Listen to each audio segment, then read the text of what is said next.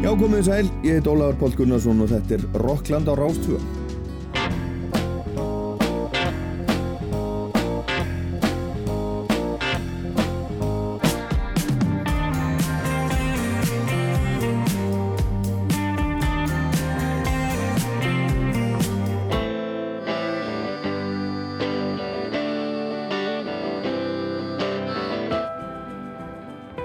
Áskir Trausti, tónlistamæðurinn Áskir Trausti kom eins og þrjum ár heiðskýri loftir hennilega inn í Íslandst og reynda líka alþjóðlegt tónlistarlíf fyrir áratug þegar hann gaf út fyrstu plötunum sína sem heitir Dýrð í dauða þögn. Í tilefni af tíu ára amalinu sem er núna um þessa myndir voru tónleikar í Eldborgi Hörpu í gær uppselt. Vel hefnað hef ég séð og heyrt í gær og dag. Ég náðu ekki að vera þar en en tónleikarnir voru teknir upp fyrir rúf, hljóð og mynd. Og það var líka að koma út tributplata, heiðusplata þar sem að aðri tónlistamenn og konur flytja nýjar útgáður af lögunum á plötunni fólk eins og K. Óla Bríett, Teitur Magnússon, Prins Pólo Árni Margret, Moses Hightower GTRN, Hjálmar Högni Egilson og Június Meivand, þetta er allt fólki sem er á þessari plötu. Hver tekur eitt lag og þetta er bara stór skemmtilegt. Og platan er komin út, komin á streymiveitur. En hvað svo? Kemur vínill, hvers vegna var þetta gert? Hver áttu hugmyndina? Og hvernig voru listamenninir valdir? Guðmundur Kristinn Jónsson Kitty Hjálmur og hægri hönd á skeis allt frá upphafi tóku upp flest lögplötunar og stýriði verkefnunu helt utanum þetta í hljóðurita í Hafnafyrði þar sem hann ræður ríkjum. Og hann er gerstur Rocklands í dag og við ætlum að hlusta saman á þessa plötu, ég og Kitty og þið og hún byrjar svona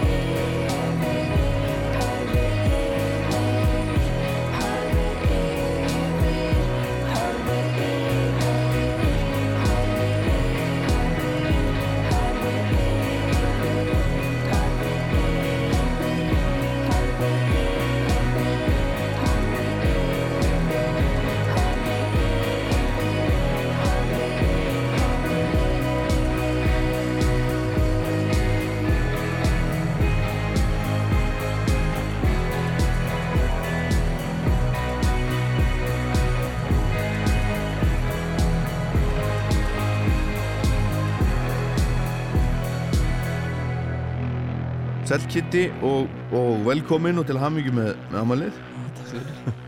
Herðu, við, við hérna við byrjuðum hérna á K. Óla. Hún opnar plötuna, segðu okkur aðeins frá henni. Já, hún er hérna, ég fekk e-mail frá henni fyrir nokkur málum þar hún var að sækjast er að vera svona aðstofamanniska í, í hljóðverinu hjá mér. Já, og taka upp. Og hún er, hún er að skild hérna fólkinu sem á, á húsið sem að hljóðverið er búin að vera í síðan 75 síðan stúdíóið okkar sem við vinnum í á áskir og svo hérna kemur hún og er með mér í svona tvo daga eitthvað en ég sé að hún er hún er miklu meira fyrir að vera bara að semja veist, vera tónlistamæður en held ég en upptökustjóri. Svona, en ég, ég svona hef bara leiðist að vera eitthvað hjá mér að hella á kaffi og gera snúrur og eitthvað svona. Þannig að ég, við, við fundum út úr í saman að það væri kannski bara sniður að hún myndi það var nefnilega eitt laust herbygg í hljóðrita sko, sem, já, já, sem var alltaf notað sem eitthvað svona fyrir bókaldu eða eitthvað fyrir ömmunar afa. Já, já.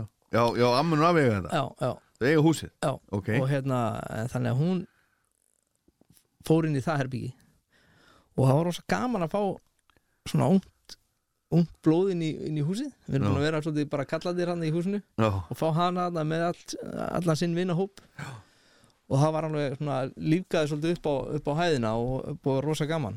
Og hérna núna eru blómun öll á lífi og geggja bílingur í, í, í svona miklu, allt miklu hans betur flokkað og svona. Já, æðislegt. Og hérna en, en ég er bara svona hrifin að þessari orku í þessum krökkum einhvern veginn. Og hérna þessum krökkum sem eru þá Ká-? Kála og þetta fólk, þessi krakkar sem eru kringum hana sko. Já, ég, ég þekki þau ekki svo sem ekki þau eru bara í fullt af hljómsveitum bara Já. í annar hverju hljómsveit. Já, ok, og hérna, sem er bara mjög gaman. Og duglega að gera vídeo, gera allt sjálf og, og það stoppar þau einhvern veginn ekki neitt sko. já, og Ásker uh, vildi endilega fá hana á plötunar og hann svona nefndi í byrjun svona nokkur artista sem hann vildi.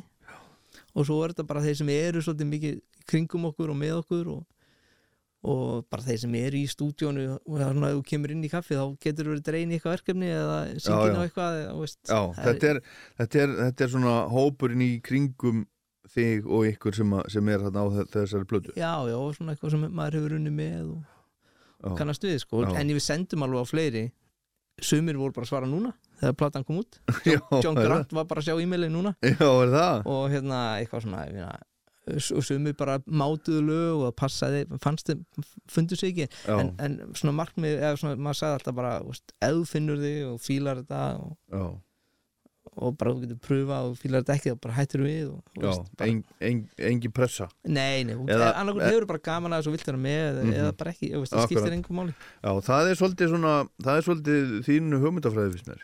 Já, það er bara litt svolítið. Það er ekkert verið að að þrýsta of, of mikið á hlutina ég held að verði aldrei sérstaklega gaman eða, eða gott ef að þetta er, þetta er mjög þvingað sko. annarkvæmst bara langar fólk ekki að gera þetta og hefur gaman að því eða bara ekki sko. eða, og það er líka við oft ef maður er beðin um að búa til músik í auglýsingu eða sjónvarstætti eða, eða bara eitthvað veist ef þetta einhvern veginn kemur ekki einhvern veginn bara og öðlega þá kannski bara geta leif ykkur um öðrum að spreita sig já, sleppa þeim bara já, já, já En, en, en sko, en með hana K-Óla, hún heitir hvað? Kolbrún? Katrín, Katrín Helga Katrín Helga Ólastóttir Já. Hérna, valdi hún lagið sjálf? Já, sko, hún var búin að velja annar lag Mm. og þetta var, þetta er eina sem var, var smá flækja sko. Og Nú, hún, nú. var, hún vildi taka nýfallir regn Já og ég var búin að sjá fyrir mér einhvern veginn eh, já, veist, það var einhvern veginn alveg opið en svo vildi Móses endilega taka það líka og ég einhvern veginn leiði þeim að aðeins að ganga á það einhvern veginn að því að það var eitthvað sem kallaði þess á þá í þá. En ég heyrði hana líka alveg fyrir mér í veginn. Mm þannig að svona Í hærra? Já, þannig að Já. hún hérna endaði með að pröfa það sjálf. Og ég held að þetta hafi bara farið nákvæmlega eins og átt að fara sko.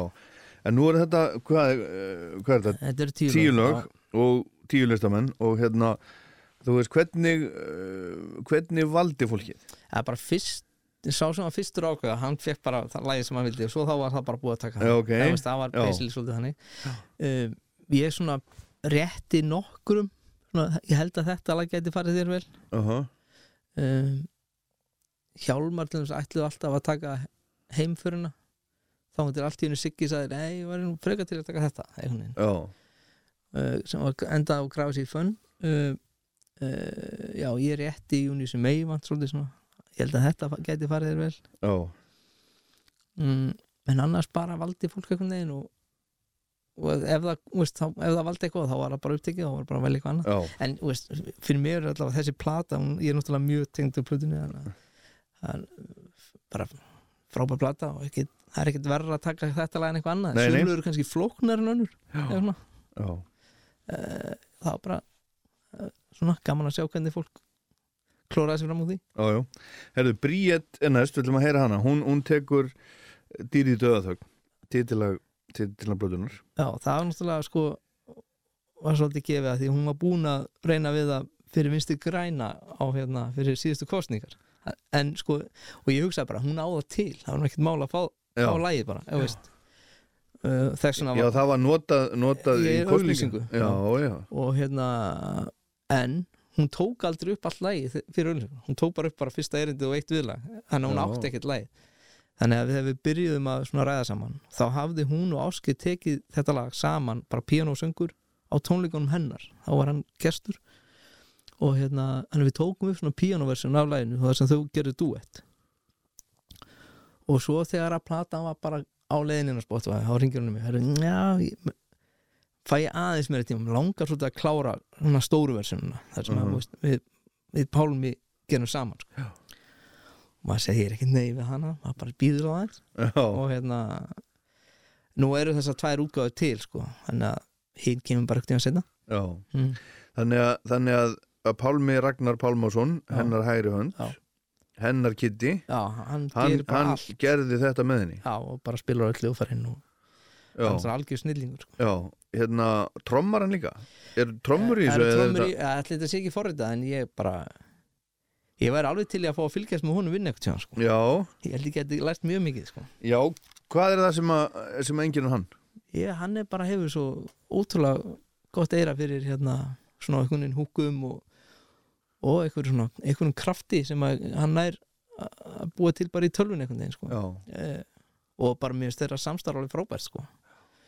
og hérna og ég skil, það er oft erfitt að vera svona baku tjöldin eða svona já, líka.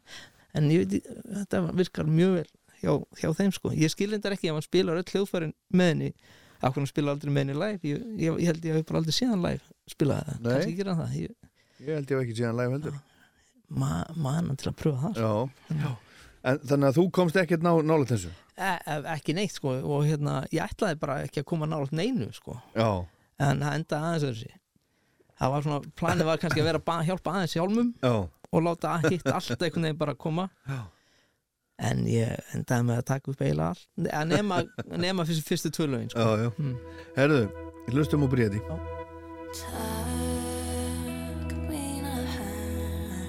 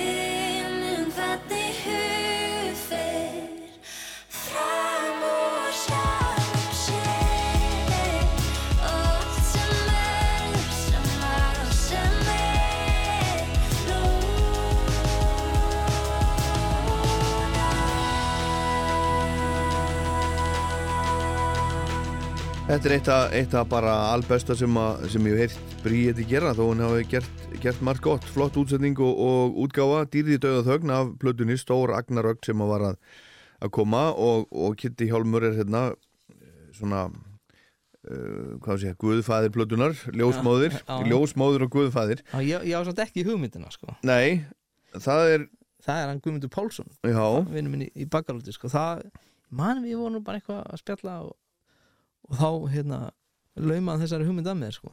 ég var eitthvað að spáði hvað ég geti gert fyrir ammalið hvort ég nú svona hann var, okkur gefur ekki bara plötun þessa gjöf? Að, að hérna, já, pröfa þetta. Og hérna já, það var bara svona bara svona, hugsa alltaf að þetta sé ekkert mál. En já, já, kýlum að þetta en svo er þetta náttúrulega að taka alveg, það tekur svolítið tíma sko. já, já, og sérstaklega, þú veist, að ég, ég náttúrulega var að vonast til að þetta færi náttúrulega fólk myndi bara skila með lögum, sko. Já, en svo náttúrulega, uh, enda þetta maður tók þetta meira, meira, meira megna allt upp, sko en, en þetta var bara skemmtilegt, sko. Og Já. það var alveg tíumbila sem ég held bara, að ég er held ég sé ekki að ná þessu. Eða, veist, alveg að gefast upp, sko. Já. en þetta var bara mjög gaman Já, þetta, þetta kom, er, sko. þetta er, svona- já, þetta er, þetta er heilmikið mál, Já, þetta eru þetta eru margir klukutímar, sko. Margir, margir. Hvað, er- hvað er langt síðan, síðan hugmyndi kom til dæmis? það eru það eru örugglega átta mánuður eða, ég veit ekki, kannski Já. meira, ég veit ekki Og byrjaður þá strax? Já, það byrjaðist af því sem að maður svona var auðvelt að byrja og veist eins og hjálmum og stóð manni næst sko. Já, og meðan aðri voru svona hugsa, hugsa málið sko. já. En sástu, sástu bríði á tónarflöðu á lögadaginn síðasta? já, já Já, og nú þarf hún bara að fara að komast út fyrir landstæðina held ég Já. Þannig að, þú veist, gæðin eru frábær og mikil og En nú, en nú útgeislunin og... Já, já, mjög flott. Nú er, nú er þetta alltaf íslensku. Heldur hún, hún er erindi á íslensku? ég veit að ég, ég er svona ekki ég er ekki alveg viss um það að þarf oft hérna eða, þú veist, jú, jú, en, en á þessu sko En ég menna svo, sko, hún syngur náttúrulega þannig að, að sko, maður heyrir ekkit alltaf mjög vel hvað hún er að syngja. nei, nei, þá líka við með áskil sko. Kanski skip, skiptir það einmitt... Eh, þú, hefur alveg definitely, þú kemst alltaf eitthvað áfram. Það er bara svona hversu svona Já, að því ég hef alveg verið með áskeri úti og árnýju margréti líka. Uh -huh. þar sem að þú ert í Ameríku eða eitthvað og segir nafnið á listamannu sem þú ert að vinna með. Og þú sér bara tómleika. Þú veist bara þessi manneski er aldrei að fara að geta googlað já, Arnie Margaret eða Asgeir og ég man alveg þegar að ég held að það veri Columbia eitthvað sem bá okkur um að taka trösti af já, bara því að þetta væri bara allt á flókið og maður bara, nei, þú veist þeir, þeir geta sett Björk eitthvað fattar við, já, en svo bara hefur þetta verið berfitt sko já. bara, og ég Bara nafnið er erfitt sko. er erfitt, Já. það skiptir móli. já. ég held nú að bríða sér nú aðeins öðuldra sko. Já. en hérna mm, og ég held að já, og, við, og við bara, maður veit að þú fattar um leið og fyrir að segja eitthvað um nafnið og sér bara í augunum Já, að hann eða hún er bara ekki að fara hún Nei. er ekki að fara að ná þessu þá hún kemst í síman eða tölvuna og, og flettis upp sko. og, og þegar við líka tekið áið já, af það ekki, það er askeir, askeir. og það er bara að, að, maður skil mann finnst það kannski fáralegt en þú skilur þetta þegar þú fer að reyna að vinna með. Já, já, og ég reyndi alveg að tala árnýju inn á það að, að vera bara með eitthvað einfalt listamannsnöfn sko. en eðlega finnst henni bara mjög væntu nafnið sitt og vildi, Akkurat. vildi hafa þannig já. En Kitty, þessi plata, Dýrði í hún kom út þarna fyrir tíu ára síðan og hún seldist, og þetta er bara, þetta er bara eina af fimm mest seldu plötum sögunar á Íslandi. já, Og hinnar eru sko Glingló já, og það er Vísnaplatan, Björga Halldórs og Gunnar Þórðar og Dýrin í Hálsaskói og, og og Kardimum Já, bæri. þetta er eitthvað stað þannig hvað, ég meina, hvað, hvers vegna seldist hún svona rosalega, þessi plata? Ég- Hvað gerðist? ég skil, bara skilur það ekki. Hún fór í hvað, 30 eitthvað hún byrjaði bara að fara í 30.000 og svo er hún búin að vera að matla í bara tíu steindök síðustu uh, árin Já. og er alltaf á sölulistanum einhver eintök, Já, búin að vera 416 vikur á listanum. Uh, ég, þetta er náttúrulega þetta er fallið saga, þetta er frábær plata. Hún er með frábærum textum og þetta eru góð lög og, og þessi saga líka milli áskis og pappans sem hjálpaði hann að gera textana uh sem síðan færri vitar að Júli vinnur hans líka úr sveitinni gerði nokkra texta til dæmis dyrði döðaþögn þetta er fallið saga og einhvern veginn svona, hún er hrein og ég held að fólk hafi líka bara svona haldið með áskeri eða svona, Já, en, en, en talandi mitt um, um sko texta og frambúr alls svona þess, ég, ég er sko þegar ég var að hlusta á þessa blödu þá, þá heyrði ég suma textan í fyrsta já, skipti, já, já, einmitt. þannig lagað já, já, og þetta eru mjög svona, þetta eru mjög fallegi textar og það er einhver svona þetta er svona ljóðrænt, þetta er svona já, þetta er fallegt, ljóðrænt og hérna, og einhvern veginn þetta er svona uh, já, maður, þetta er svona textarnir ná að teikna einhverja svona myndir já, já. Og það er, það er ekkit, það er ekkit allir söngtextar þannig. Nei, nei, þetta er svona sveitinn svolítið Já. og, heldur, heldur að textarnir hafi hafi uh, selt þetta einhverju leiti? alveg 100% og bara miklu liti held ég. Og Einar Georg á bara mjög mikið svona rós fyrir þessa texta og, og er ennþá að semja frábæra texta með áskeri nú er bara áskeri kannski aðeins meira svona með hún, þeir fara að hittast og við vinna saman. Það æðislega og bara og ég er búin að vera að hvetja áskeri til þess að vinna bara eins mikið með pappa sem hann getur meina það er, veist, hann er hún 78 ára eitthvað. Er hún, já, eitthvað leysa og hérna hann að ég held að það sé bara æðislegt og hann er ennþá að semja alveg frábæra texta sko. já, og ég meina, ég man þegar hann ásker kendónu bara orðið lúftgítar. Já, hann vissi ekkit hvað það var fyrir tíu árum. Já, já, og hann varði að setja það inn í, inn í textan sko. já, já, maður og, Einargjöf kemur oft í kaffi upp í stúdíu já, já, já, hann, hann droppar inn bara og Já. er með okkur. Já. En, en förum aðeins hérna aftur í tíman, hérna uh, rifja aðeins upp með okkur hvernig ykkar samstarf hófst, að því að þeir eru náttúrulega bróðir, þeir eru náttúrulega bræður, Steini og Ásgeir, Steini Já, Hjálmur já, og Ásgeir, en, en þú, þú þekktir hann samt ekki, þegar, Nei, hann, þegar hann á- hafði bara samband við þig. Steini er ekki mikið að segja manni frá sko svona já, frá lífinu þannig, það er svona einstakarsinnum sem hann svona opna sig. Og, en hann, hann tjáði sér meira í textum. Já, já, og hérna og, og svona og sprelli inn á Mhm. milli. Mm og hérna, en hann var búinn að segja mér að hann ætti e, bróður sem spila orgítar og hann hafði einhvern tíðan komið upp í stúdíu og spila með Steina á kassagítar og Ásker, sa- sa- nei, Steini sagði mér alltaf að hann væri alveg svakalega góður kassagítarleikari mm, ég held að enginn hafi vitað að hann væri að semja lög þannig, þú veist og hérna en svo kemur hann, og ég var einhvern veginn á, þessum tímanbili var ég búinn að vera að taka upp alveg svakalega mikið. Og var, man ég hafði ný, búinn að taka upp Sálmans Jónsmís, Papana og eitthvað svona. Og ég var eiginlega alveg að gefast upp. Mér fannst bara, orðið bara mjög leiðilegt í, í vinnunni sko. Og mér langaði ekkert að vera að taka upp bara hinn og þessa til að geta borgað að, ég var bara hvernig búin að fór leið á þessu. Og ég ákvað þarna rétt á undan að hætta bara að taka upp allt sem að væri ekki bara tengt mér eða bara ég sjálfur eða svona. Eða ég hefði bara eitthvað svona einstaklega mikið áhuga. Og hérna og leiðum að lokar á bara, þú veist, vinnuna þá opnast oft eitthvað annað. Og þarna bara mjög fljótlega eftir ég lokaði bara á þetta þá fór að koma verkefni sem ég, ég hafði actually gaman af. Og eitt að ég var þetta áskýðsverkefni sem að, þú veist, ég er bara búin að starfa við það síðan. Já, og hann bara, ég maður bara, hann kom eitthvað inn og bankaði hurna og hérna rétti mér eitthvað demo.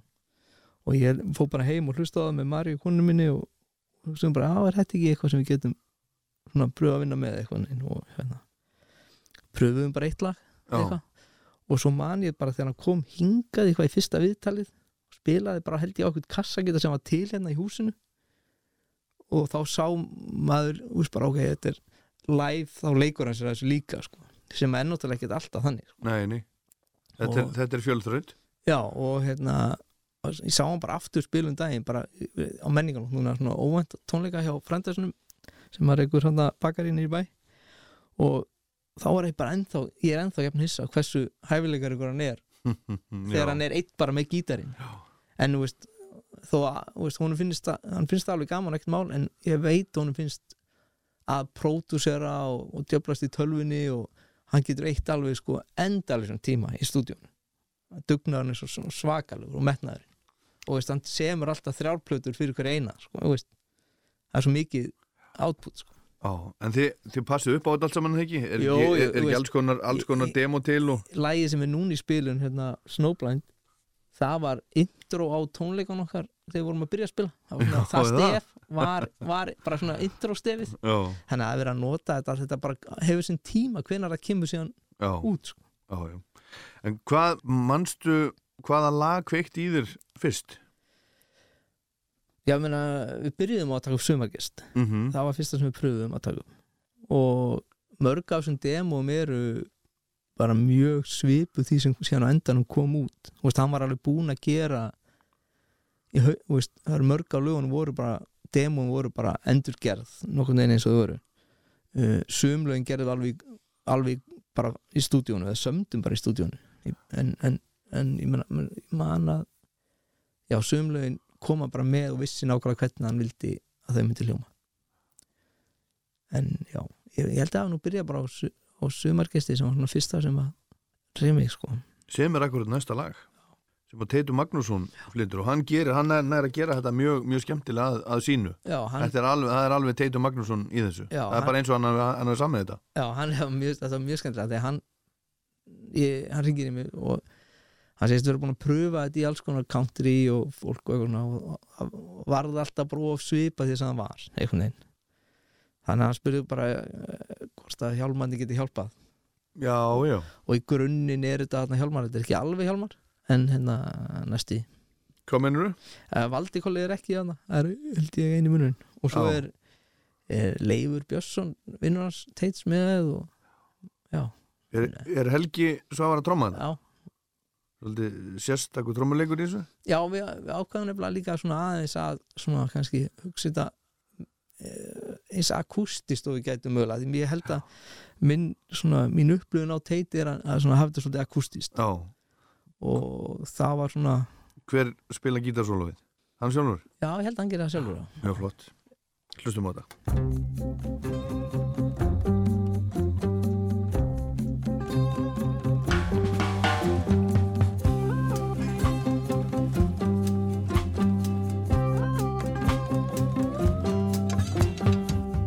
Fuglinn minn úr fjarska ber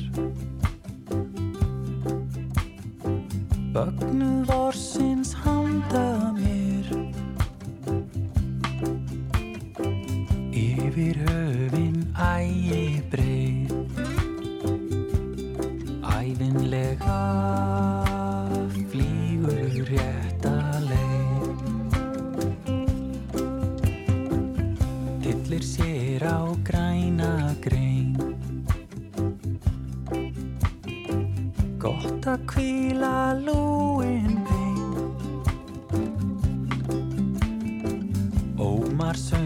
söngur hjarta hlýr. Hlusta ég á lífsins ævintýr. Fús ég þakka fuglinn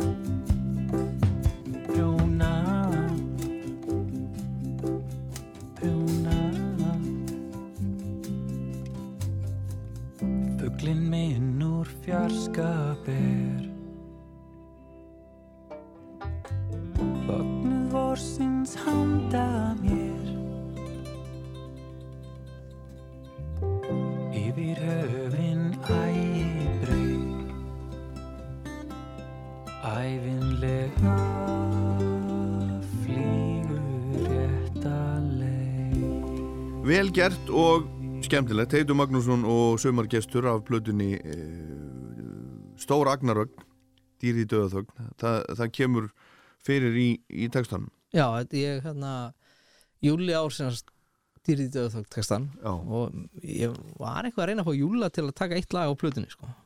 að Júli teki sér svona því að Júli hefur gert fullt af lögum sjálfur sko. já, það er alltaf það er yfirleitt svona, svona, metal sprell er eitthvað, já, eitthvað svona grín. Já, og hérna, mér langaði svo að þú Júli væri til í að taka sig svona alvarlega og gera eitt lag bara svona sjálfur. En var hann ekki til í Já, það? var ekki alveg til í það, hann er, svona, hann er hættur náttúrulega að spila með okkur. Já, og hann er bara komin aftur í brúavinnuna er hann að smíða brýr? Já, við að gera henni eitthvað svona. Já, já, hann fílar það bara. Já, Já, en hann var sko, hann var með honum í, í upphafi og mörg fyrstu árin, Já, fá já. með honum út um, út um allan heim. Alveg endalvist sko. Og þeir eru, eru bara gamlir vinir úr sveitinni. Þeir voru alltaf saman í herbyggi líka á túrum og, og náttúrulega Júli neldis alltaf á hann í öllum bakgröðum og það var mjög erfitt að hérna, þegar, þú veist, sætta sig að Júli að Júla langaði bara að hætta sko. Líka bara góð félagi, búin að vera með okkur alveg frá byrjun og á, Já. á náttúrulega bara stóran hlut í öllum lögunum. Núna, og líka, ekki bara þessari plötu, heldur bara áfram já, en ég skil hins vegar alveg þegar fólk ákveður að vilja ekki vera að túra. Eða veist, einu ef eitthvað sagði mig bara þetta er ekki fyrir mig. Að Já. fara að ferðast út um allan heim og spila músík. Og þá var maður bara, hvað ruggla það? Þetta er bara eitthvað draumur fyrir, allavega fyrir mér sko. og maður heyrði bara eitthvað sem bara, nei, þetta er ekki fyrir mig. Og maður bara trúði sig. Bara, má ég já, já. En svo þegar maður er búin að þetta sjálf mhm. og einhver segir við mig, þetta er ekki fyrir mig þá skil ég það bara mjög vel þetta getur ekki verið fyrir alla sko. að því að þú ert bara að hanga í bíl í átta tíma eða þú ert bara að býða og býða og býða og keira og hanga á flugvöllum og svo, svo kemur hérna gulrótin að spila smá tónleikan inn á milli sko. og, e- og yfirleitt er þetta bara frekar illa borgað en og ef að þú veist ég held að ánægja þurfa að vera alveg svakalega mikil af tónleikunum og því til þess að maður Já, fari inn í þetta. Eða bara eins og ég segi mér svo fyrir mig bara ég kann ekkert annað sko. Nei En þetta er svona, sko, þetta er svona eins og að ef, ef fólk, ef við setjum þetta í samhengi að þú, hérna, þú ert bara í Reykjavík Já. og svo, svo keirir á Egilstaði og og, stillir upp og spilar um kvöldið í kannski 40 mínútur eða eitthvað, Já, já, klukktíma eða eitthvað. Klukkutíma. og róta niður. Róta niður svo rættast til að þú sestu svolítið stuði og með fólkinu sem hittir og Já, búið að býða eftir þér í, í hálft ára já, já, fá því heimsól á ettir og svo lagað eh, aftur að keira bara Aftur. Já, aftur Reykjavíkur, og gera sama. Gera það sama. Og svo aftur daginn eftir. Aftur á eilstæði Já, já, og veist, í, í fjóra-fimm vikur eða eitthvað. En það er nú yfirleitt svona tveir frí dagar á viku. Tveir frí, já, það er ok. svona yfirleitt sko. Já. Ef maður verður aðeins stundum að En sumir fara, ég menna ég, ég, ég þekki alveg sko til íslenskar hljómsveitar sem hafa farið í 30 daga tór og spilna 28 sunnum og eitthvað svona sko. Frídagarnir eru oft bara erfiðir. Þú veist, þeir geta verið andlega erfiðir. Já. og og þeir líka bara eru dýrir Já, eða svona þannig. Uh, þannig að jú, jú, þetta er bara þetta er. Og, og svo, svo, svo, svo, finnst, fólki skrýta að maður sjá ekki neitt eða ger ekki neitt eða eitthvað. Nei, og eða, veist, svo kom frítar þá vil maður bara oft vera á hótelherbyggju og bara starra sjónvarpið eða eitthvað akkurat en það er kannski bara eðlilegt þegar þú veist, ert, þetta er kannski þetta er ekki alltaf 7-8 tíma kysla sko, það eru lengstu svona yfirleitt. Mm -hmm. oft er þetta bara eða eitthvað. En ef þú ert í bandaríkina þá er þetta mjög langt. Já, en svo náttúrulega verður þetta aðeins maður, þegar maður kemst í að vera í svona túrböss og maður getur sofið í rútunni og vaknar síðan bara í næstu borg, þá Já. áttu svolítið daginn en það er ekkit alltaf þannig nei, þú byrjar ekki þannig, sko, fyrstu árin eru ekki þannig sko. Nei, en hvað, hvað eru þið til dæmis búin að, eða áskir hérna, búin að fara marga túra? ekki hugmyndum það, sko. ég erum búin að held ég fara sko 5 eða 6 til Ástralíu eða eitthvað, sko, og svipað í Japan og, og eitthvað svona ég bara, ég, ég er með þetta skráð sko, ég er bara ekki með það. Þannig erum við að tala um svona kannski 20 tónleikaferðir, eitthvað svo leiðis allavega það. Allavega það. Menna, eftir fyrstu plötuna voru við bara stanslist í fimm ár líkvið sko. en það hefur róast aðeins náttúrulega Já, herðu, en við vorum að tala um hann, um hann Júla já, júl, já, ég ringdi líka í, í Júla sko, eftir hérna þegar ég baði hann að gera laga eða svona, við vorum að ræða þetta saman. Ég sagði það sem hann á nú dýri döða, þá var svona leitaði til hann sem að hann myndi finna nafn á þessa plötu sko. mm og hann sagðist alltaf hugsa málið og svo sendaði mig bara stóragnar í SMS-i stuttur sinna -hmm. sem bara mjög góðu titill Mjög góð titill En ég man eftir því geti uh, vildi nú bara þannig til að þegar þeir spiluðu í fyrsta skipti í útlöndum þeir tveir, Júli og Áskir Já. þá, þá, þá varstu heima hjá mér í Hafnafyrði Varstu þetta því? Nei. ú- útsending hjá KXP já, já, við sendum, já, við og, sendum það og, þarna. og, og hérna og einhvern veginn þá vildi ég bara þann, þannig til að við horfðum á þetta saman heima já, já, en þar lendu þeir í ævintýrum þeir hérna viltust og eitthvað ætla að fara heimsækja Kurt Cobain og þeir tveir saman það var, já, þeir ákvað að fara að skoða húsið hans og hérna og allir að lappa einhvern veginn tilbaka og viltust og týndust og eitthvað. Þa, það er samt ekki að versta sem þeir hafa gert saman sko. það versta var eftir þegar við vorum að gefa út einhverja plötu og það var ákveð að senda þá tvo í bara prómoferð til Ástralíu. Þeir myndu fara bara tveir í einhverju útasviðu til að spila nokkur gig eitthvað staðar svona kynningagig fyrir einhverja plötu og Marja, konu mín, var þá umbúðsmaður afskis og hérna hún spyr mér, er ekki óvægt að senda þá bara tvo? Þarf eitthvað að fara með tourmanager eða eða vilt þú fara með þeim? Og ég bara neini og eitthvað svona auka ferð til Ástralíu í 40 okkur tíma, bara ekki séns í flugvél. Og hérna hérna svo uh, erum við bara fann að sofa og símir hingi sérna um miðanótt og ég heyri bara Marja og sé bara nei, nei. Þá mistur að vélinn í London til Ástralíu. Fór eitthvað vitlu skeit og eitthvað Já. og þá þurfti einhvern veginn að fara að kaupa nýjan flug með að breyta honum og fara einhvern veginn e, yfir til Kanada og þaðan einhvern veginn. En þeir áttu að hafa einhvern einn dag til að jafna sig áður en viðtölun all, allt byrjaði. Já, en það var bara, það bara lent og beint í viðtöl já, hérna. Já, Það er stuð í þessu. Herðu, en hérna okkur að hætti Júli Uh, ég held að hafi bara fengið nóg og langaði að fara að gera eitthvað annað. Ég bara, En einmitt þegar maður hugsar Þú veist, vill maður hætta í svona æfintýri já, vera að ferðast út um allan heim spila og gítar, láta klappa fyrir sér vera með besta vinni sínum að spila og, og fara bara í vegagerðina frekar já ég, ég, veist ég, ég, ég persónulega myndi ekki gera það Nei, en ég, hann, hann vildi það hann vil gera það og er að gera það og hérna ég, hann, veist, hann er alltaf velkomin aftur sko. Já. Hann lætur okkur bara vita hann kemur, hann kemur, til- hann kemur hann En, en hann er búin að vera sko, ég, veist, hann er, hann er líka ég tók strax til því, hann er svo ótrúlega flinkur og þeir pössuðu svo vel saman já, syngja svo vel saman og spila svo vel saman þannig að þetta var einhvern veginn ég held að hann yrði bara alltaf með sko. já, svo, svo er ég, ég og Júli hefum það líka sammeilegt, okkur finnst líka gaman að róta sko. Er það? já, Finnst þið gaman að róta? já, ég elska að róta sko. Niður eða upp? ba, bara bæði Í alvöru? já sko, ég hef einhvern veginn mjög gaman að róta upp en ég heila meira gaman að róta niður því að sko, þá, þá kemur að því að maður þarf að, svona, á að fara að hitta eitthvað fólk og svona Já. þá finnst mér rosa gott að vera bara einhvern veginn í félum upp á svið að róta Já, ertu bara mannafæla? fyrir- Já, svolítið, ég finnst svona Er- er það? Er fyrir ekki ég er aðeins að gera þess að snúri hérna Já, þú, þú ert ekki, þú ert ekki mikið fyrir að vera svona innan um Nei. mikið af fólki. Nei, alls ekki. En samt er þú svona maður sem hefur sapnað þessum, þessum hópi. Ég menn, þetta er, þetta er heilmikill hópur. Þú Já, sem að þú ert ég- svona, þú ert svolítið svona eins og mafjósi Já, mér finnst rosa gaman að vera í kringum svona vini mína og þá sem ég þe- þekki svona en, en eitthvað svona hitt eitthvað aðeins eitthvað og reyna, reyna að halda upp eitthvað svona já, já, mér finnst það rosa leðilegt Já, ekki einn um það, ekki einn um það. Herðu, prins Pólo næstur. Lind, Hann tekur leyndamál Þetta lag er, er svona eins og breytaði þetta lag var til fyrir. Það er vegna þess að þegar Ásker og Júli fóru hringins einhvern tíðan saman Já. og ég fór með þeim og við, komum við, komum við við á Karlstöðum í Havari þar sem Prins Bólo hélt úti tónleikastað. Og hann gerði þetta svona, hún fannst rosa gaman að þeir sem kom í heimsón hann gerði hann cover af þeim sko. Já, já, og þetta tók hann einhvern tíðan upp og sendi okkur. Og hérna mér fannst bara ómögulegt að vera að gera þetta aftur ef þetta var til með hún. Og hérna mér finnst líka svo gaman með prinsinn, hann er svo mikið punkari sko. Að hafa þetta lag er bara einhvern veginn sta- langstæðsta lagið á plötunni.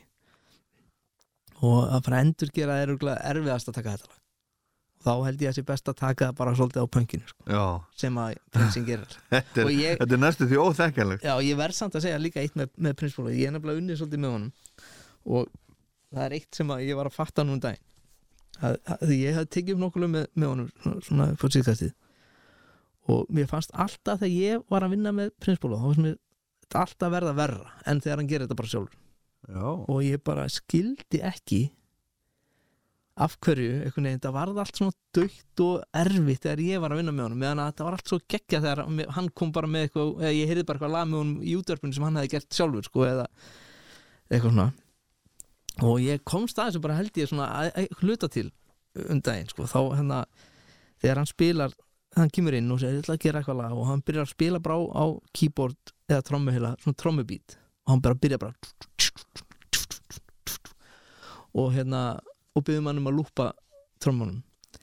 Nema ég bara einhvern veginn að því ég bara hef unni alltaf þannig að ég tek bara, hann gerir maður gerir eitthvað bít og ég leiðréttið alltaf. Þannig ég læt tölvuna bara setja alltaf þannig að þetta sé alveg, alveg rétt. Rétt. Eins og klukka. Eins og klukka sko. og svo sér hann mig um daginn og sá hann mig um daginn gera hérna skipuna þar sem þetta verður eins og klukka. Og hann bara, nýj, hörðu, hvernig gerir maður þetta? Og þá fatt ég þetta hann, hann hefur aldrei hann hefur aldrei látið leiðrétta bítið. Hann, hann hefur bara gert eitthvað með eitthvað svona sínu fíli Já. og hérna lúpað síðan sín, sí- sínum sínu grúfi sko. Aha.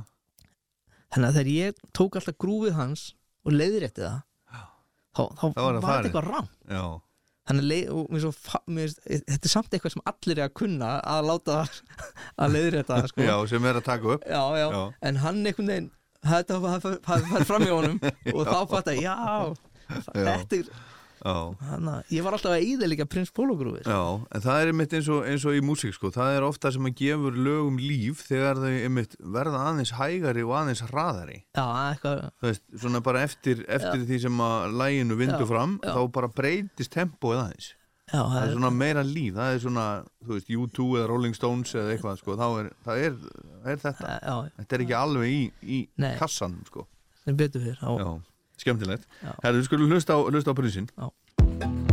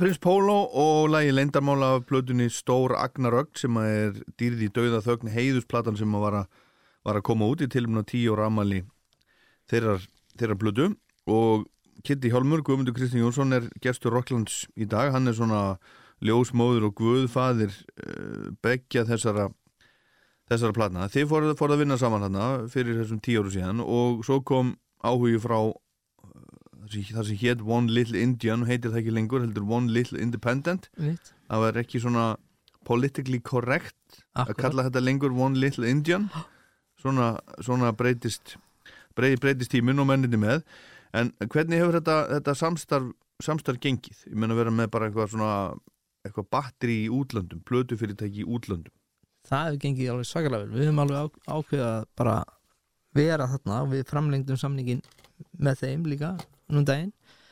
Uh, þetta er svona lítið fjölskyldufyrirtæki. Mm, þó að þetta sé veist, fullt af starfsfólki og svona. Og það er mikið líf og, og, og, og alls konar starfsmarnavelta og bara en þetta er samt alltaf í grunninn er þetta fjölskyldan Sterex sem vinnur hana og hérna mjög bara gaman að vinna með þeim og líflegt og skemmtilegt og hérna og en, en sko þó, þó hann heldur utan um grunnsamningin þá við, vinnum við líka með alls konar öðru í þessu plötu fyrirtækjum út um allan heim sko.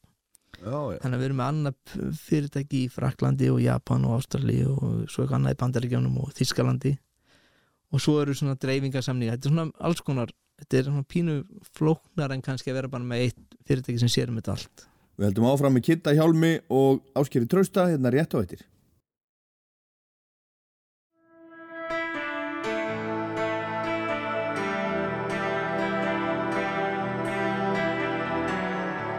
Hello, this is Chris, the singer of Coldplay, and uh, you're listening to Raustver, and the program is Rockland. þá hann heldur utan um grunnsamningin þá við, vinnum við líka með alls konar öðru í þessu plötu fyrirtækjum út um allan heim sko. Já, já, þannig að við erum með annað fyrirtæki í Fraklandi og Japan og Ástrali og svo eitthvað annað í Bandaríkjánum og Þískalandi og svo eru svona dreifingarsamninga þetta er svona alls konar þetta er svona pínu flóknar en kannski að vera bara með eitt fyrirtæki sem sér um þetta allt og það er bara hefur, hefur þótt að svakalega gaman sko, og, og gaman að díla við svona alls konar já. fyrirtæki. En þetta er náttúrulega fyrirtæki sem að, sem að gá út sigumálinu sinni tíma já, og hefur svo alltaf gefið út Björk. Hún er búin að vera þarna allan tíman hérna ég hef aldrei, aldrei hitt, hittir hann ánga, hef ekki eins og sé mynd á hann held ég Já, hann, Er- hann er ekki mikið fyrir viðtöl. nei, nei, er þetta, er þetta ske, uh, skemmtilega náingi og, og er hann alltaf jafn áhásamur um músík alveg svakalega og ég menna hann gefur út líka árnju margandi og, og Ásgeir og svo um- bara um daginn vorum við að spila eitthvað staðar á, það heiti Womat Festival Aha. festival sem Peter Gabriel á Já.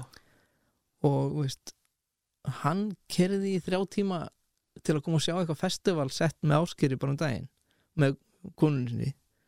Og ég svona bara, ég þakka hann bara að kella fyrir að koma en, veist það er ekkert allir sem myndi endilega nenn að keira mm þú veist eh, í þrjá tíma til að sjá enn eitt enn eina tónleikana. En ég held að áhugin hann sé bara raunverulegur á tónlist og íslensku tónlist og bara og því sem hann er að gera sko. Já, en náttúrulega Björk er langstæðsta aktið hjá þessu fyrirtæki og hérna maður finnur, maður finnur alveg þegar að Björk er- stendur í ykkur stóru og þá fer svolítið mikill fókus í það sem er bara alveg skiljanlegt og eðlilegt. Já. Mm. En þú er ekkert reynd að fá Björk á plötuna? ég, ég veit ekki hvað ég ofta reynda að fá Björk í alls konar verkunni það hefur ekki gengið neitt sérstaklega vel. Nei, en það er kannski eitthvað tíma já, þú heldur áfram að reyna Nei, nei, held, ég held ég er svolítið múin að gefast þau sko. Er það? Já, já, en þetta er allt í góðu sko. Já, hún gerir bara, hún fer sínar eigin leiðir alltaf. Já, ég, ég held að það sé bara hafi bara hefnast ágætlega hjá henni. Og Já. leifinu bara að halda því áfram. Já, hún, Já, hún, já. hún ringið þá bara eitthvað já, já. Herðu, en hérna talandum um tónleik og tónlistarháttíðir hvernig er, er bandi samansett núna þegar, þegar, þegar þið eru að túra til dæmis? Já, þá erum við bara í grunninn bara sama band fyrir utan júla bara, um, það er bara mínus júli það er, en það er sanns Þorstein Einarsson bróður, bróður Áskis og Helgi Svar úr Hjálmum og ég. Og svo bara Áskis Já, uh, en svo var, svo var hérna Pétur Ben með ykkur eitthvað líka þegar Já, með okkur í smástund sko, hann hjálpaði til og samdi með Áskeri bara mjög mikið af text, textunum á nýju blöðunni Ásker leitaði til Högna. Já, að því að Högna að hjálpa hann ekki hann einu sinni með texta. Uh, og Högni sagði held ég bara, herðu, tjekkaði bara Pétri sko, að hann er auðvitað betri í þessu en ég og svo bara fórum við að vinna saman og svona. Og man ekki alveg af hverju ef- að að- að að pröfa að hafa Pétur á gítar með eitthvað live aðeins. En Pétur sagði alltaf ef ásker eða Steini vilja koma aftur að þá bara þá bara ekkit mál mínuna sko. Mm og svo fann maður á Steina að hann var tilbúin að koma aftur. Og þá var bara ekkert mál fyrir Pétur að stiga til leðar já. Það var mjög gaman að spila um Pétri mikil, mikil metnaður og, og skemmtilegt. Akkurat Íslenski tónlistamenn, það er það uh, hefur kannski alltaf verið þannig en það er svona færist í aukana fyrst mér að það er þú veist það er haldin einhver veistla og þá kemur þessi og hinn og svona. Er, er ásker þú veist, er þetta ringi ásker ef, þú átt ammæli og svona? Það held ég alveg öruglega en ég, svona, hann gerir allavega hann gerir ekki mikið af því en það er alltaf, er alltaf hægt að ringja Já, er miklu, ég held að hann er miklu rólir yfir allir svona núna en, en það var sko. já, þannig að hann er til í, í alls konar. Já, Já, já Svo er það hinn skjólstæðingurinn eða, Já, já, já, eða ekki? já, þú, þú, þú, ert, þú ert í rauninni svona þú ert að vinna með, með, með þessu tveimur, Áskeri Já, já. og Árnýju Margreti Já. og hún valdi hérna e- eða valdi hún hljóðanótt já, ég held hún að verið frekast framalega í hérna að heyra af hugmyndinni og, og velja sér lag sko. já. hún er semast bara semast búin að gera plötusanning við þetta samfyrirtæki bara Já. að því að maður bara tengdur því og finnst gaman að vinna með þeim og hérna svo eru við hún er bara fær svona þegar maður er að byrja þá er rosa gott að held ég að, að byrja bara að fá að hita upp fyrir stærri artist og sapna sér búa til eitthvað skonar já, fanbase sko og hérna hún hefur fengið bara rosalega svona góð tækifæri til að byrja með. Hún er komið með bókunarskrifstofu sem heitir ATC Live í Evrópu og svo High Road í Ameríku. Og hún er búin að vera semst að spila um, hitta svolítið fyrir hann, Leif Vollebeck sem er svona hennar eitt af hennar ædolum. Og svo spilaði hann fyrsta gigið sitt í Ameríkundaginn sem var hérna með á Newport Folk Festival. Akkurat, og í kjölfar sem er alveg geggjað og veist, það er ekki margir spilað á Newport Nei. og hérna Hefur einhver Íslendingur spilað á Newport? ég held að sko uh, að Monsters and Men hafi spilað þar uh, en svo í ár spilaði Árni á Newport Folk Festival og Laufey á Newport Jazz Festival og ég held að hún sé örgulega fyrsti Íslendingun á Newport Jazz Já. og þetta eru bara tvær ungar stelpur að brillera á, á bara, veist, við erum að tala um þetta er lítil hátíð hún heitir bara einn virtasta hátíð í Ameríku. Og getum ímyndað hverju margir sem vilja komast á þessa hátíð. Og að engin e, fréttamiðl eða blað hafi spottað það að Árni Margrét og Laufey tvær ungar stelpur í tónlist hafi spilað þarna sama árið er bara nokkuð merkilegt. Þannig eru eins og sé tvær stelpur að taka bara mjög stórt festival. Og það má alveg hrósa því og, og taka eftir því. Og ég hérna í kjölfarið á Newport þá fór Árni að hitta upp fyrir Pino Palladino og Blake Mills Já, sem eru sko risar í músibransunum já, já. Pino Palladino er til dæmis bassarleikarinn í The Who já, já, meðal annars. Já, já og og Blake Mills? Blake Mills er bara búin að spila með öllum í dag sko. hann spilaði nýja Dylan plötuna til dæmis og bara endalist Phoebe Bridges og, og hún var bara með þeim hana á túr í smástund sem var bara mjög gaman sko. en, en ég held fyrir hana er að komast á festival hita upp næstu árin. Áður hún, getur fara að halda þín eigin tónleika. Næstu árin. Hlustum á hana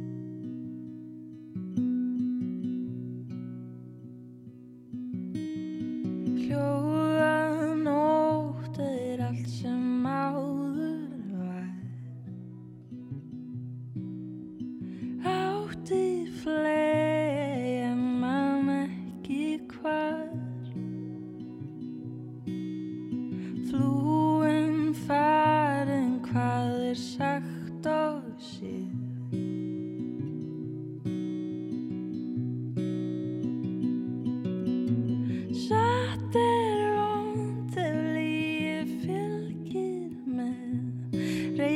sverð og skjöld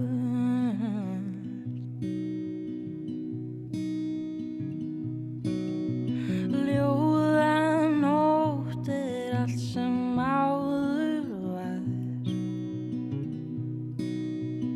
Átti skríin en man ekki hvar. Lurkum lamin heimtar bæn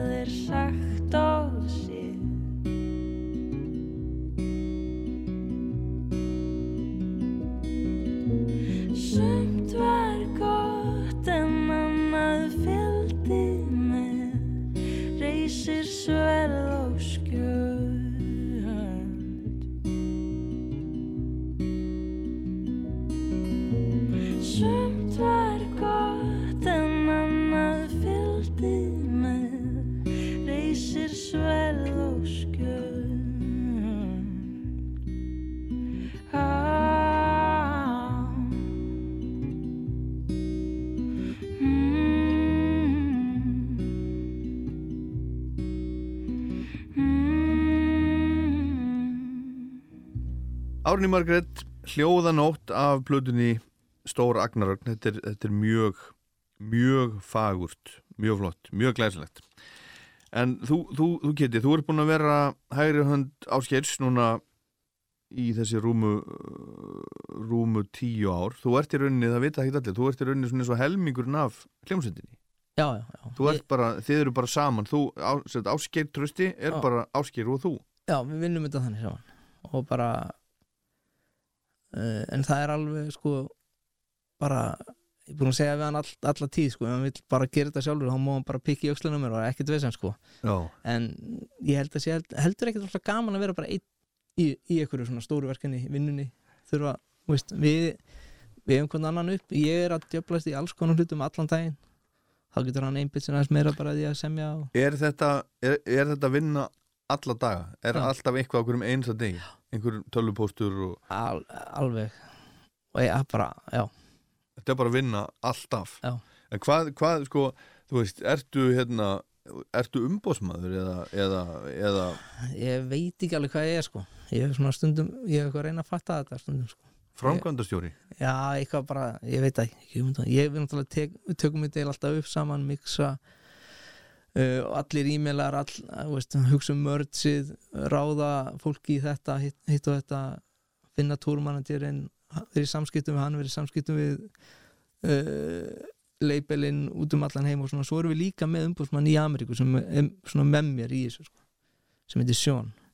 Og hann er umbúrsmann líka Arka og Antoniðan Johnson var, eða var með honum sem er núna Anúni og já, það er bara og sér líka um Lou Reed katalógin Já, já, gaman að oft, að ég er meira á kannski á Lou Reed en, jú, ég, en allavega Arka ég skil ekki alveg Arka en þá um, það kemur.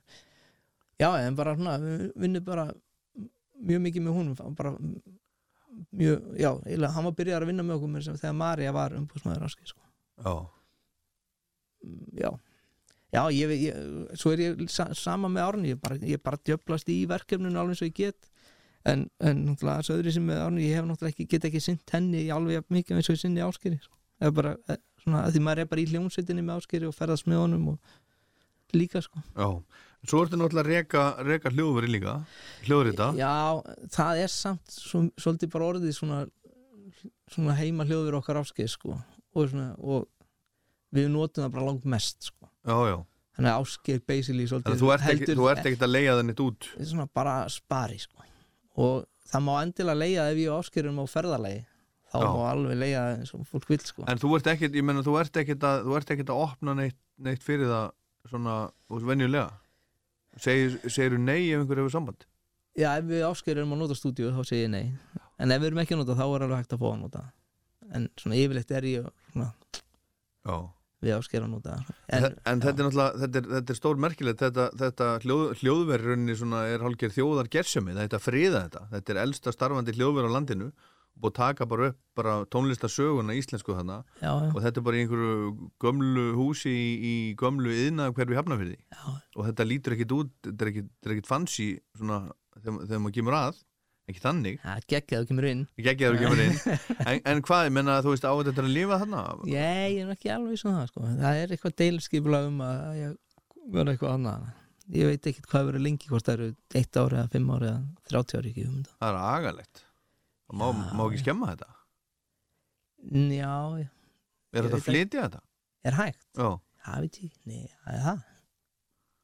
Ég veit það ekki. Já Við, við ræðum þetta síðar. já, já, Herðu, Moses Hightower er hérna næst með nýfalli regn, fellega flott. er, já, ég er alveg sérstaklega ánægð með þetta. Ég held ekki að því að líka gaman þegar maður tekur upp hljómsveitir að því að bara hjálmar hafa sitt vinnuflæði sem maður tilengar sér gennum árin og, og Moses er greinlega með sitt. Og maður átt að segja á því núna hvernig þeir vinna sko. Já, það er mjög gaman að því að sko maður tekur einhvern veginn upp eitthvað og maður veit ekkert hvert maður er komin með lægið þegar þeir bara að þetta er komið. En þeir eru maður bara ha, býtu er búið, að- er búið að finna eitthvað flöt á þessu einhvern veginn? Svo tekur Andri þetta og femmi þetta eða eitthvað á heimdi sín eða fyrir með það. Og svo kemur bara eitthvað snill tilbaka þegar hann er búin að eða þeir er búin að hitt- hittast eitthvað staðar í, og klappis einhvern veginn sko. já, Eh, já, ég til þess að tóku bara grunninn og miksaði þetta síðan á á en- endanum en, en eh, það sem gerist þannig í millitíðinni þegar þeir fara með þetta eitthvað og það er al, al, algjör magic og ég heyrði eiginlega textan í fyrstu já, já, já. Ég, ég er svona ég er svona smekk líka fyrir að fólk sé svona frekar kannski að því eru kepla sko, þetta sé ekki mjög skýrt. Já, og hérna er það áhrif frá Rúna Jól? Já, kannski, þess vegna ef ég stundum sko gandast með það sko ef, ef, ef, ef mér finnst þetta að vera allt of skýrt að þá, það er tannlæknastofa í sama húsi. Já. og þá hefur við stundum bara mjög oft, núna, ef, ef, mér finnst framburum vera óskýra, hvort ég að fara aðeins og fá að láta deyfa við já, já. Glimur í báru járni barist erum nótt.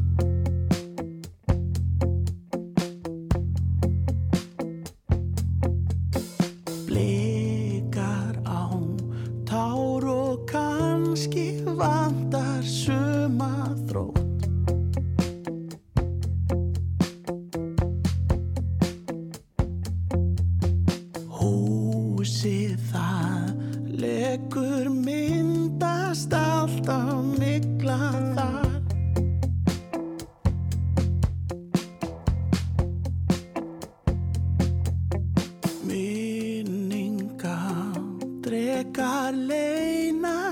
næstum allstaðar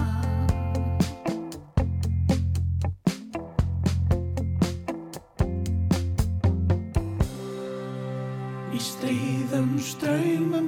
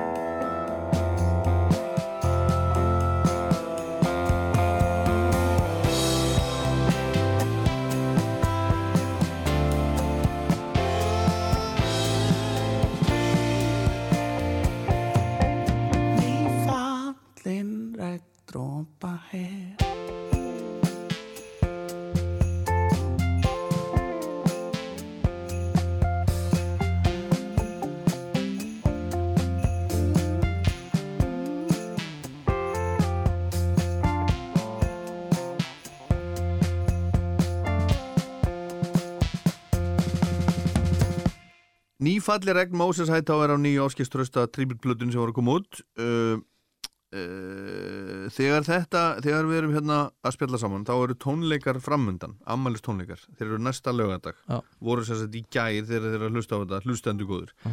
hérna, er, er uppselt núna? Já, er já.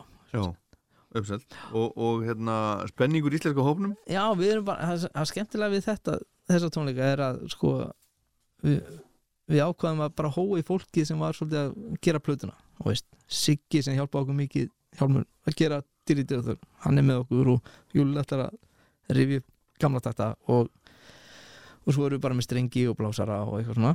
Já, þannig, að, já, já. þannig að þetta er svolítið svona bara aðeins að fagna plötunni. Þetta er risa. Já, þetta er svona í erum 15 sviðin eða eitthvað Já, ok.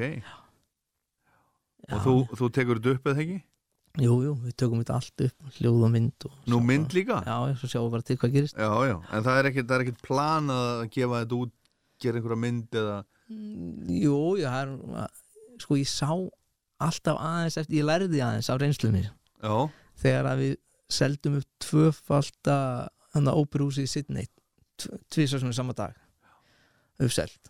Og þá hugsaði ég, já, tekið þetta upp næst já, síðan bara hef ég ekkert komið aftur í já.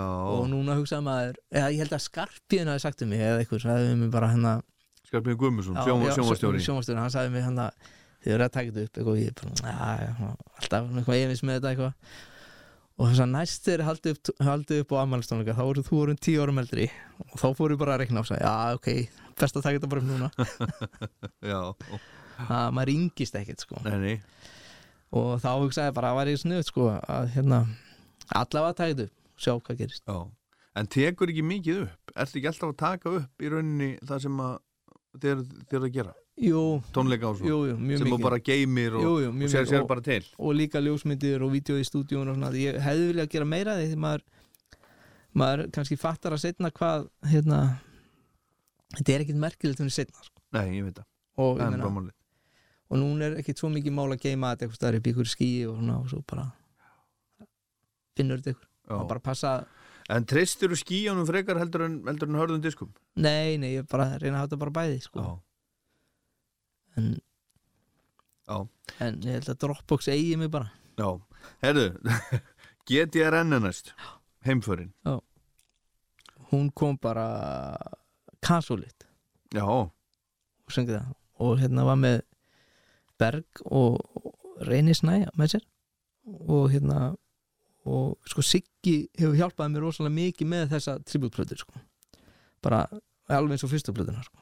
við vorum mikið, svo, þa þarna spila Siggi á bassa í þessu leið og það skemmtilega við þetta er að Sigurður var nýbúin að köpa sér bandalusan bassa sko. já, þannig að hann, hann rosa ánaði með þetta sko. aha en þetta er líka bara mjög skemmtilega gert hjá þeim sko ég er mjög hrifin og þetta hendar henni alveg einstaklega vel þetta lag sko.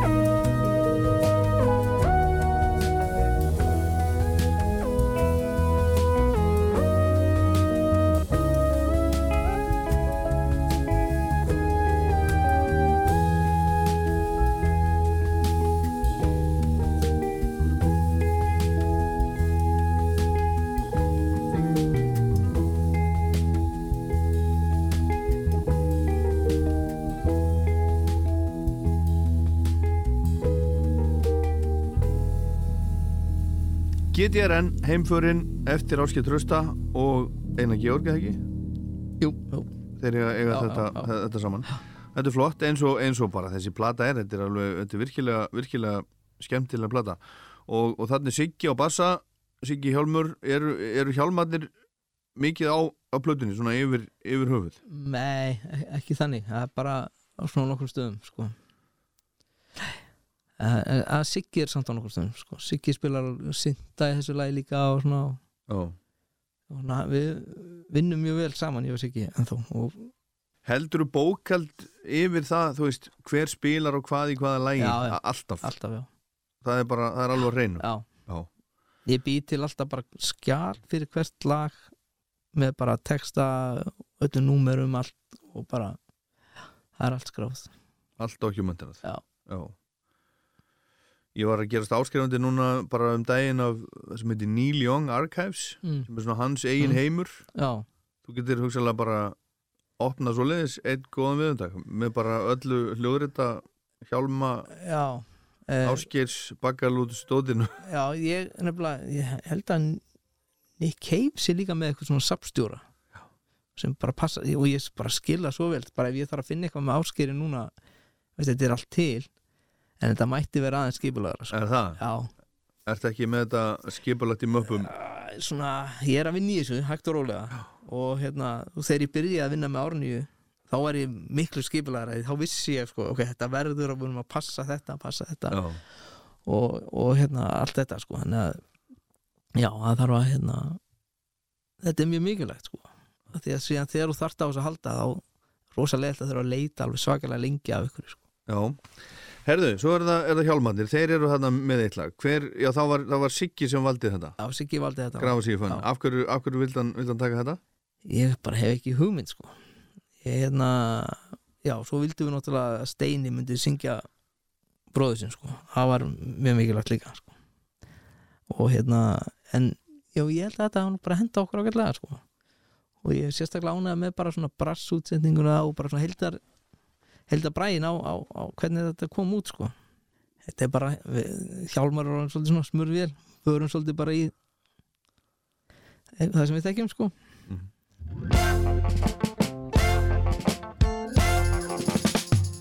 Hér að norður stór Nætur eru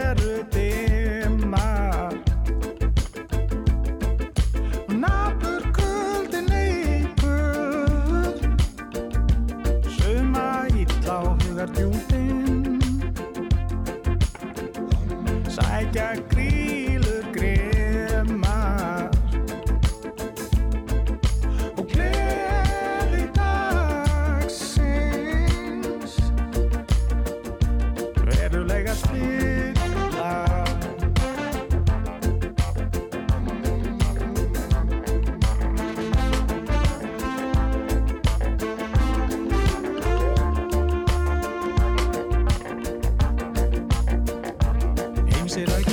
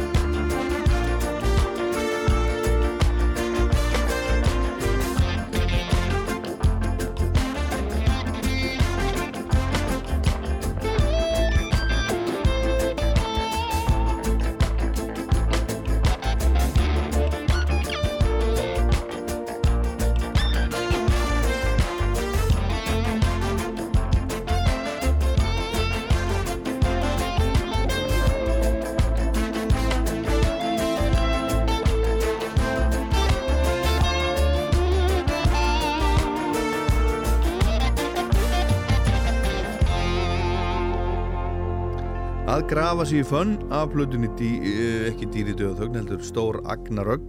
Áskerströsta tributplatan sem að var að koma út hún er, hún er komin á Spotify og svona streymi veitur kemur hún á vínil og disk og, og svo leiðis það það það er ekki sko, það var ekki á dagskraf sko. það Nei, átti nú bara að vera svona sko. en já, það er aldrei að vita ef, ef þessu er vel tekið þá kannski já, það er komin allavega svolítið spilun át á Spotify strax. Já, já, þetta er bara já, ég, ég, ég, bara, ég var alveg vissi, ekkit hvað ég var að gera með Nei. þetta sko. ég hugsaði líka að þetta ætti kannski bara að vera bara á Spotify eitt ár og svo bara tekið þetta út eða eitthvað en Nei, nei, nei, nei, nei, nei. ég veit, ég En er, ekki er, búið að, er búið að vinna með þetta eitthvað í útlöndum? Er búið að, er búið að senda þetta á, á svona áskers uh, Já. svona á- í, í áskers kanalana í útlöndum? Mm, já, ég held það en sko tíu ára afmæli á dýritöð í útlöndum er á næsta ári sko. Já, þannig að við svona vildum ekki alveg sko að því við erum með nýja plöti í gangi líka já, sem er að koma út uh, í haust að okkur fannst svona kannski óþarf að vera að, hérna, eða væri hefndi hent okkur betur að halda bara upp á tíu ára afmæli í útlöndum á næsta ári þegar hún er að- í alvörinu já, tíu já, ára já, afmæli. akkurat. en hérna, og þá er það heldur ekki að trubla nýju útgáfuna sko. en við, við erum alveg búin að láta vita af þessu og allt það sko, það er ekki Mm ekkert, ekkert í felum. nei, nei, nei, nei. Ég myndist á það áðan geti, þú ert, þú ert svolítið svona eins og, og ég meina þetta mjög, mjög, mjög vel og fallega, þú ert, þú ert svolítið svona eins og, eins og mafjósi, þú ert með svona stóran hópi, hópi kringu þig sem er svo allur með til dæmis á í, í bakkalútsorgíun í desember. Þetta er Já, svona já, hópur, já. þetta eru, þú veist, þetta eru, þetta eru hjálmarnir, þetta er áskeisbandið, Memphis Mafían, bakkalútur, hljómskálabandið, þetta er svona, þetta er bara svona hópur einhvern veginn í kringu þig. Og, og hérna já, þú ert svolítið svona eins og þú ert svolítið svona barbapabbi. Já, kannski ég, ég, ég er bara eitthvað að reyna að lifa í, á litlu markaði sko, að vera með alls konar hatta. Uh, ég, ég hef gaman að því að vinna og, og vil vera alltaf að gera eitthvað mikið sko, eða svona.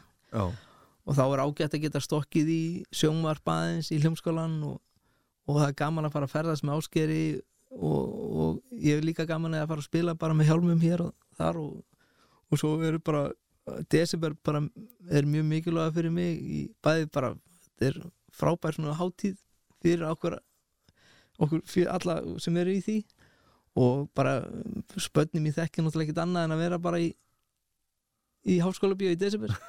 Þú veist, maður er búin að vera svo lengi þar já, og og ég held að bara einhvern veginn að vera í öllu þessu þá get ég lifað af þessu einhvern veginn. Ég er ekkert sem að hérna já, ég er ekkert sem að stúdíói væri starfandi ef að Ásker væri ekki með mér í stúdíónu og svo framvegis svona, alls konar, þetta, þetta vinnur bara saman. En þetta getur, þetta getur líka alveg erfitt Já, uh, það er að því að geta ekkert veist, það geta ekkert allir verið í öllu einhvern veginn, maður þarf að stundum að taka leiðilega ákvarðan mhm. Og það er bara er, glatað. Og, en það er kannski ekki gert að því maður vill vera leiðilegur eða eitthvað hlust, það bara er bara gengur ekki upp Já, öðru sér en, en þessi vinna svo út í, þetta er náttúrulega, veist, þetta er stúdíu, þetta er Ásker, þetta er Árný Margrét, þetta er Hjálmar, Bakalútur og allt þetta. já, Ertu, eh, ertu að vinna alla daga ásins? já, já ég myndi nú segja það sko. Og það er alltaf vinna á laugadugum og sunnudugum líka. nei, nei, ég, veist, það hefur breyst sko. það var þannig en í, í dag, við áskeru tökum all, all, vinnum eiginlega aldrei um helgar svona, við og ég meina þó ég, veistu, þetta gerir maður oft eitthvað og svona, en í, fyrir nokkrum mánu þá vann maður bara frá mótið til kvölds og allar helgar og svona nú nefn maður aðeins svona aðeins rólir Já, eða veist það bara nein, er þannig bara sko. já. Hvað er þetta orðið langt? Þú varst náttúrulega, náttúrulega hljóðmaður hérna á Rúf í mörg ár. fimm ári á Heldur þú getur, getur unnið hjá einhverjum í dag?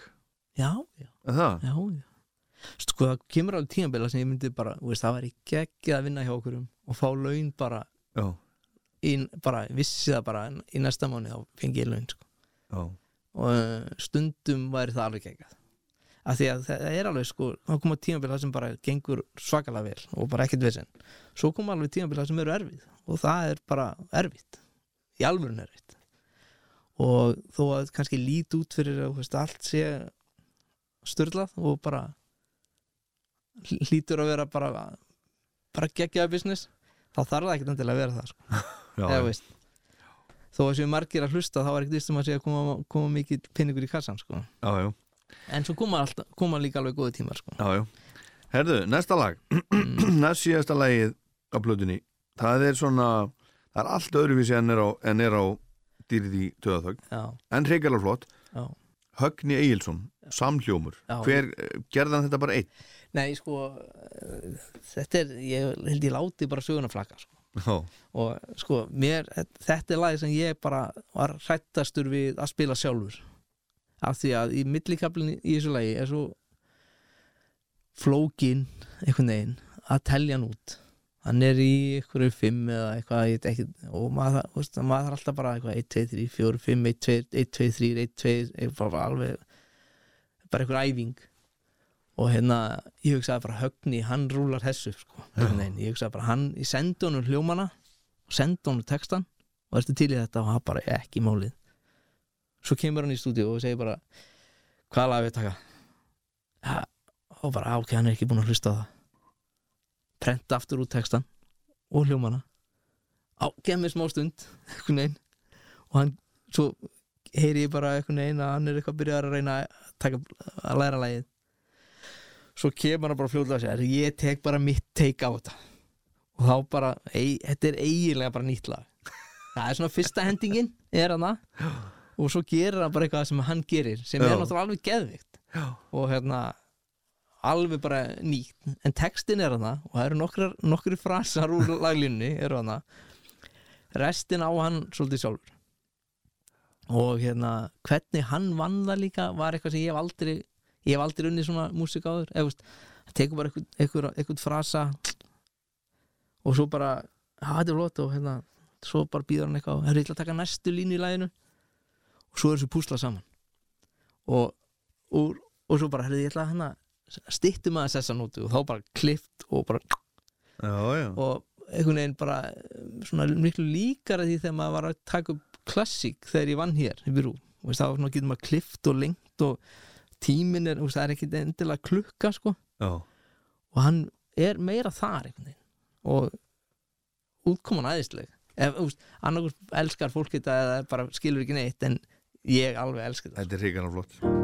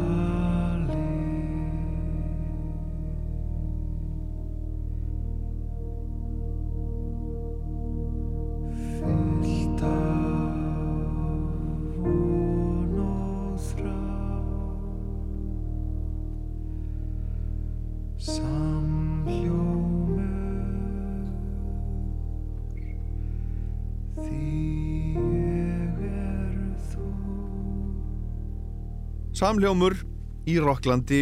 Högni Egilson flytur þetta á nýju plötunni sem að heitir Trippelplötunni til áskeiströsta og dýrðar í döða þögn.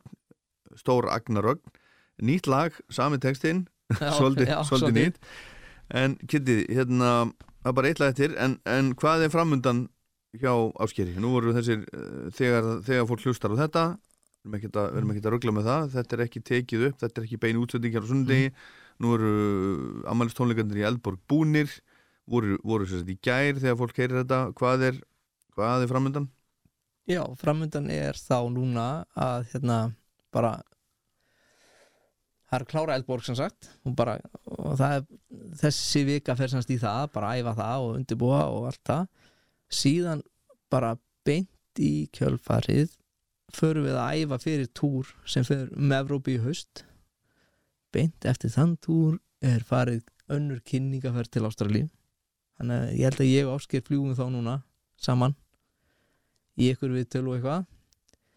Síðan er uh, verið að skoða eitthvað kannski í, í november, desember eitthvað svona minni tónleika eitthvað. Við erum ekki alveg búin að ákveða um það. Síðan er Ameríka fljótlega eftir áramót og svo eftir Evrópa og eitthvað.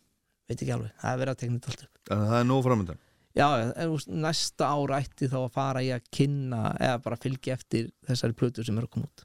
Já, sem kemur út hvernar í oktober á ennsku, á einsku, já, góð plata? Besta platan. Er það? já. Herðu, en, en, en hvað með Ísland? Á að spila eitthvað meira hérna á Íslandi? ég veit ekki að bara njá, það er er ekkert á tekniborinu fyrir utan bara þessa tónleika sem eru núna. Já. Sem voru í gær. já, en, en sem er á lögadaginn en voru samt í gær. Já, en sko ég væri all, okkur finnst báðum alveg svakalega gaman að fara bara svona ringin kringu landi, bara með svona minna. Mm ég var alveg til að gera það aftur með hún en ég held ég þurf nú ekkert mikið að snúpa hendina á hún til að gera það. Ég veit að hún finnst það sjálfum alveg svakalega gaman. Akkurat Herðu, það er bara eitt lag til, lokalagið þennan dag, Június Meivand þú stakst upp á því uh, við Június að hann, hann Já. tæki þetta. já, og smalla bara alveg strax. Já, mér fannst það og ég, það er svona kaplar í því sem hann svona, svona nýjir kaplar frá honum. Fyrst þegar ég heyrði það var svona, já, þetta er áhugavert áhugaverð nálgun. En svo er ég náttúrulega bara að- mest í Június aðdáðandinn á landinu þannig að ég hugsa að ég hef hlusta mest á þetta af öllu sem að ég er á plötinu sko. En uh, og þú tókst þetta upp? Nei, hann tók þetta upp sjálfur og, og ég fekk að mixa þetta en það var svo sem ekki mikið að mixa bara kassagitur og söngur. En hann að það er bara til að geta sett svona smá sett nafni mitt við þetta sko. Fekk ég að mixa, eða þurfti ekki að mixa þetta var bara, var svona. Þurfti bara að hækka. Kitty, ég hérna óskaði til hamingju með þessa og, og ykkur til hamingju með þessa þessa blödu, þetta er náttúrulega þetta er, þetta er svolítið þín plata þó þetta séu lögin, löginas áskers og, Já. og svona. Þú, þú helst utan um þetta, Já. þú vart ljósmáður og guðu fæðir Já, ég, ég veit ekki til þess að þetta hafi verið gert heldur svona eða veist, ekki- e- eitthvað plata hafi verið tekin upp hérna heima aftur svona tribut sko. það er náttúrulega verið gert svona tribut blötu til einhverju listamanna. Þetta var eitthvað svona koncept sem ég hafði gaman að Mm. þetta er skemmtilegt, eins og, eins og svo margt sem að þú hefur, hefur gef, gert. Já, og gefið okkur já, tónlistar að, áhuga fólki um allan heim. Takk fyrir komuna, takk fyrir blöðuna og áfram veginn takk, takk. Ef þið voruð að koma inn í hérna þátt, kæru lustendur, þá getið þið farið og fundið Rockland á rú.is í rú spilaranum og svo er fullt af Rockland þáttum í hlaðvarpi, til dæmis bara á Spotify, en þetta var Rockland, ég er Ólaður Páll. Takk fyrir að hlusta. Hjarta blóm og ljóða dís og lag Í löftu sín mér tókst að þekkja þig Þennan dag. Og gæfan tók að gæla öll við